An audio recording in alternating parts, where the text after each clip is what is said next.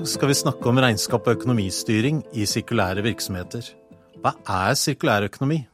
Hva sier reglene innenfor regnskap, skatt og avgift når du driver sirkulært? Hvordan skal jeg finansiere virksomheten? Hvordan ser en sirkulær forretningsmodell ut? Velkommen til Akademisk kvarter, en podkast fra Cappelen Dam Akademisk. Hei, Kristine. Hvem er du?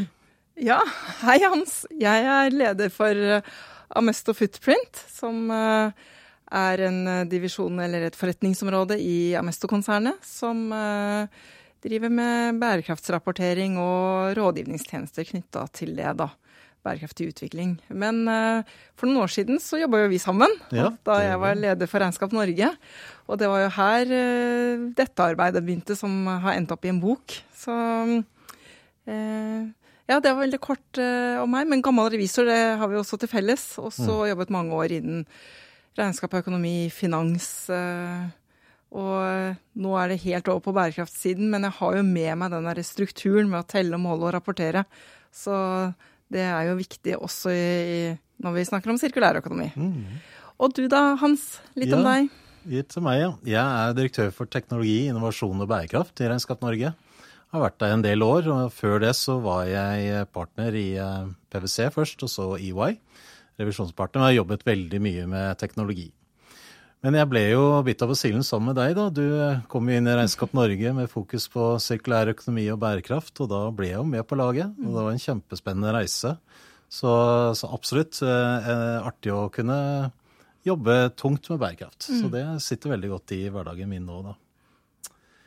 Men jeg tenkte først, eh, du nevnte kanskje den sirkulære regnskapsklyngen. og hva, hva, er den sirkulære regnskapsklyngen, og hvilken sammenheng har den klyngen med boka? Ja, og det her var jo tilbake Vi begynte jo å jobbe med sirkulær økonomi og regnskap og økonomi og finans sin rolle i det, i, i det bildet der i 2017. Det var vel da vi liksom henta inn litt sånn folk til å snakke med oss i Regnskap Norge for å forstå hvor er vår rolle i det. Eh, og når vi hadde jobba litt sånn eh, opplevde jo at du og jeg og, og noen andre parkollegaer vi jobba litt sånn undercover først i starten, for å liksom rede grunnen og forstå hva, hva vil det her si, og hvordan kan vi bidra. Det var veldig tidlig, eh, tydelig for meg og for deg å oppfatte at vi løser ikke klimakrisen ved å fortsette med bruk og kast. Vi må over på andre forretningsmodeller. Og det er ikke én stor løsning som kommer til å plutselig simsalabim redde oss over i en fossilfri hverdag og, og, kutte alle utslipp.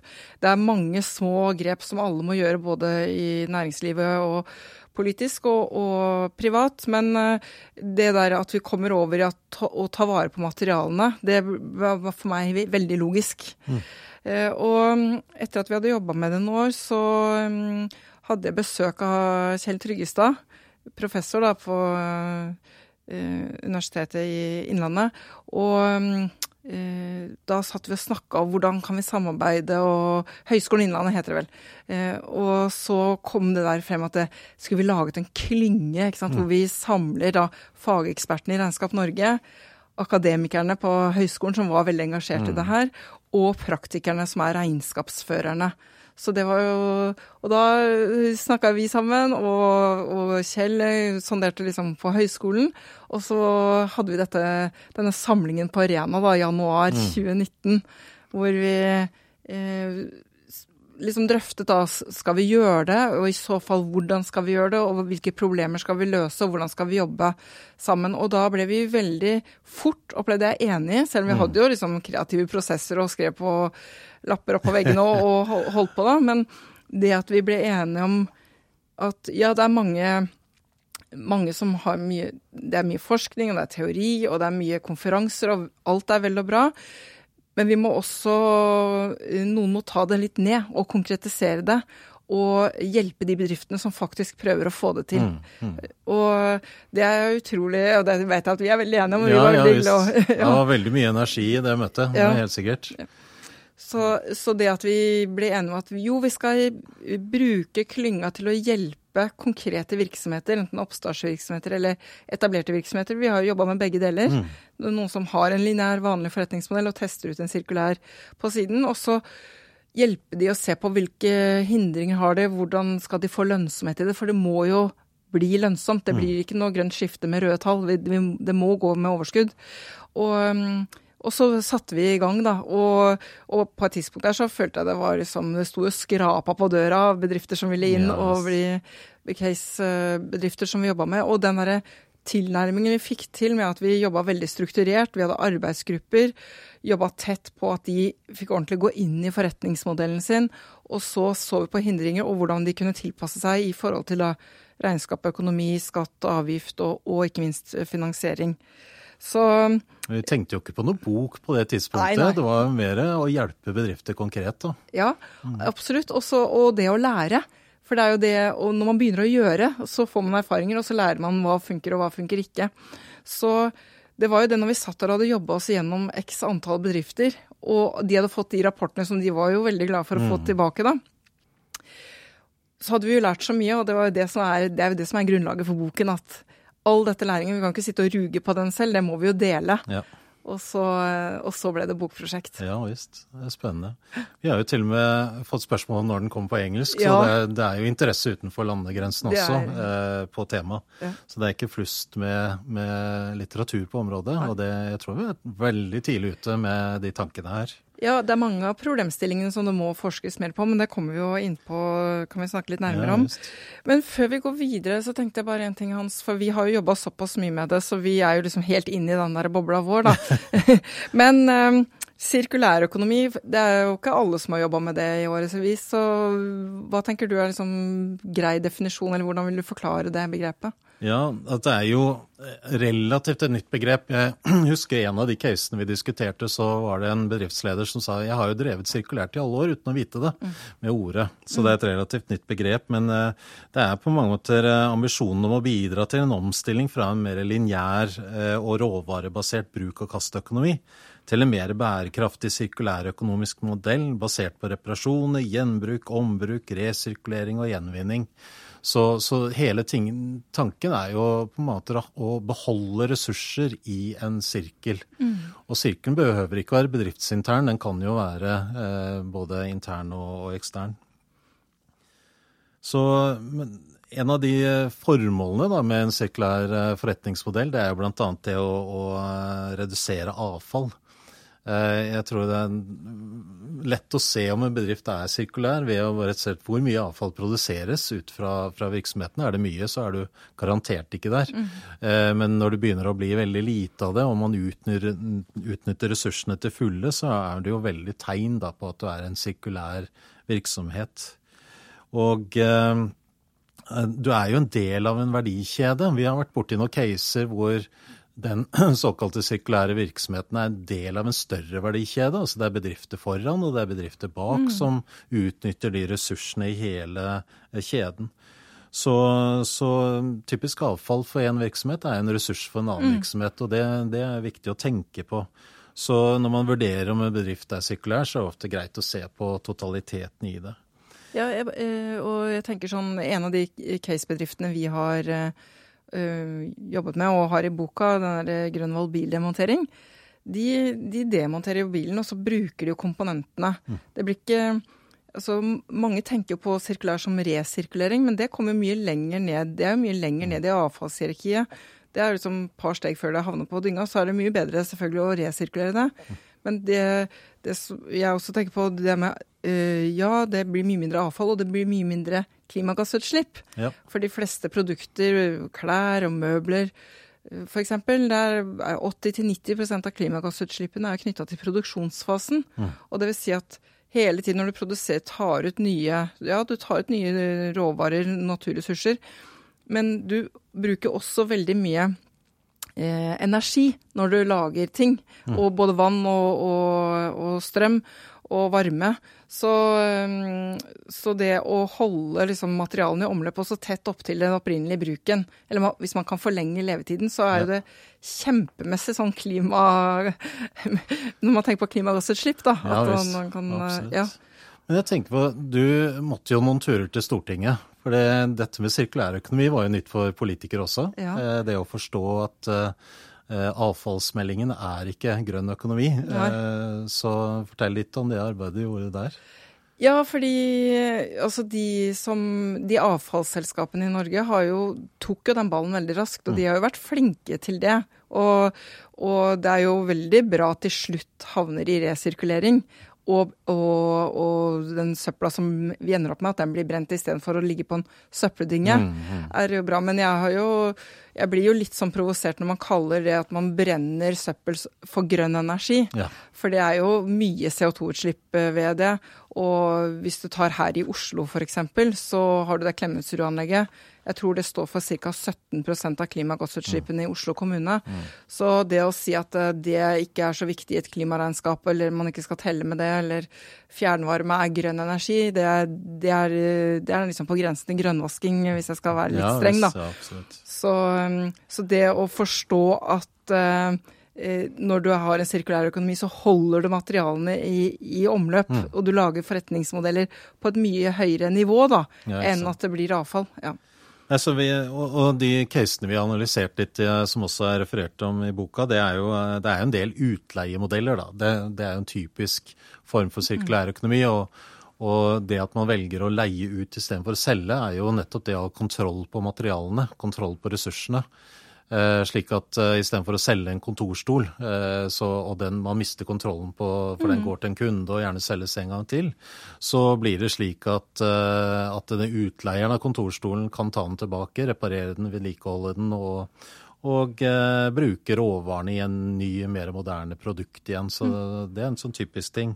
Så er Delingsplattformer har jo også vært litt sånn vi har sett på. og Eh, det å, å, eh, utnytte ressurser mer, altså bilutleie er jo et sånn typisk hvor eh, bilen ikke står stille, men blir utnyttet mm. maksimalt. Mm. Man har brukt råvarer for å få, eller råstoffer for å produsere bilen, og da er det veldig greit at den blir brukt maksimalt. Da. Mm. Så det er delingsplattform er typisk også en sånn eh, sak. da.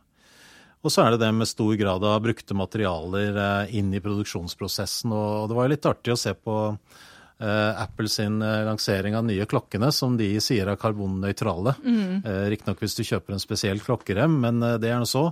Men det er interessant å se hvordan de bruker veldig mye resirkulerte materialer inn i produksjonen igjen, og materialer som kan resirkuleres.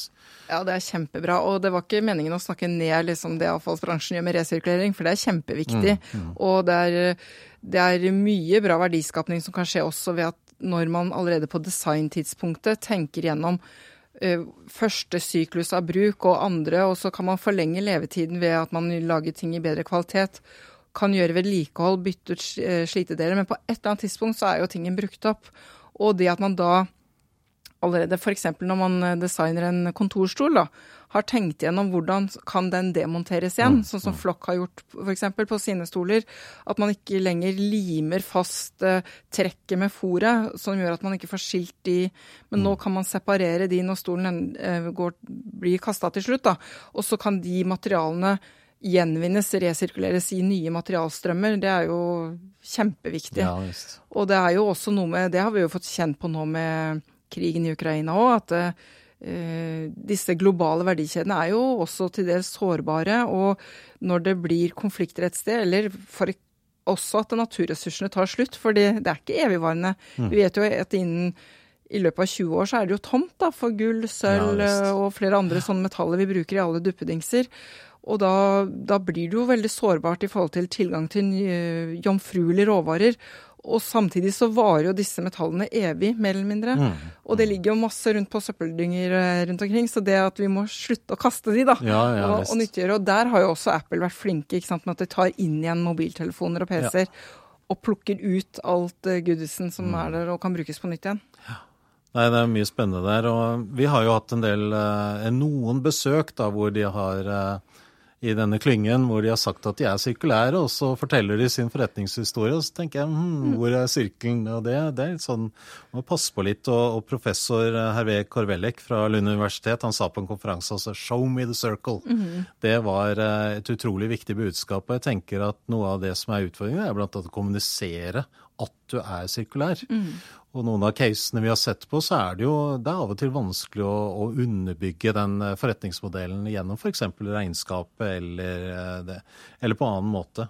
Så, så, jeg tror at de eh, bedrifts- eller gründerne eller bedriftseierne som nå begynner å lage sirkulære forretningsmodeller, vil jo ha en stor jobb når det gjelder kommunikasjon. Mm. Det tror jeg ikke man skal undervurdere. Og Der spiller jo også regnskapet en viktig rolle, da, at man skal se igjen materialene mm. for at det er, faktisk er sirkulært. Ja. Men så er det jo også det du var inne på i sted, at det, det er jo ikke alltid at det skjer i én virksomhet. Det kan være flere virksomheter mm. i en verdikjede.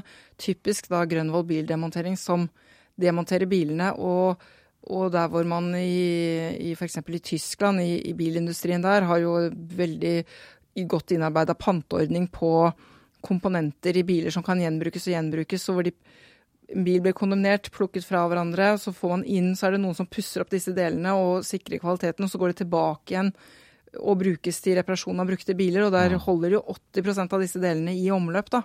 Er, og der, der, har vi i Norge vært kjempeflinke på panteflasker. Ja. Men uh, vi har ikke liksom klart oss å adoptere den tankegangen der ut på andre deler. Men det er jo fullt mulig, da. Ja visst, absolutt.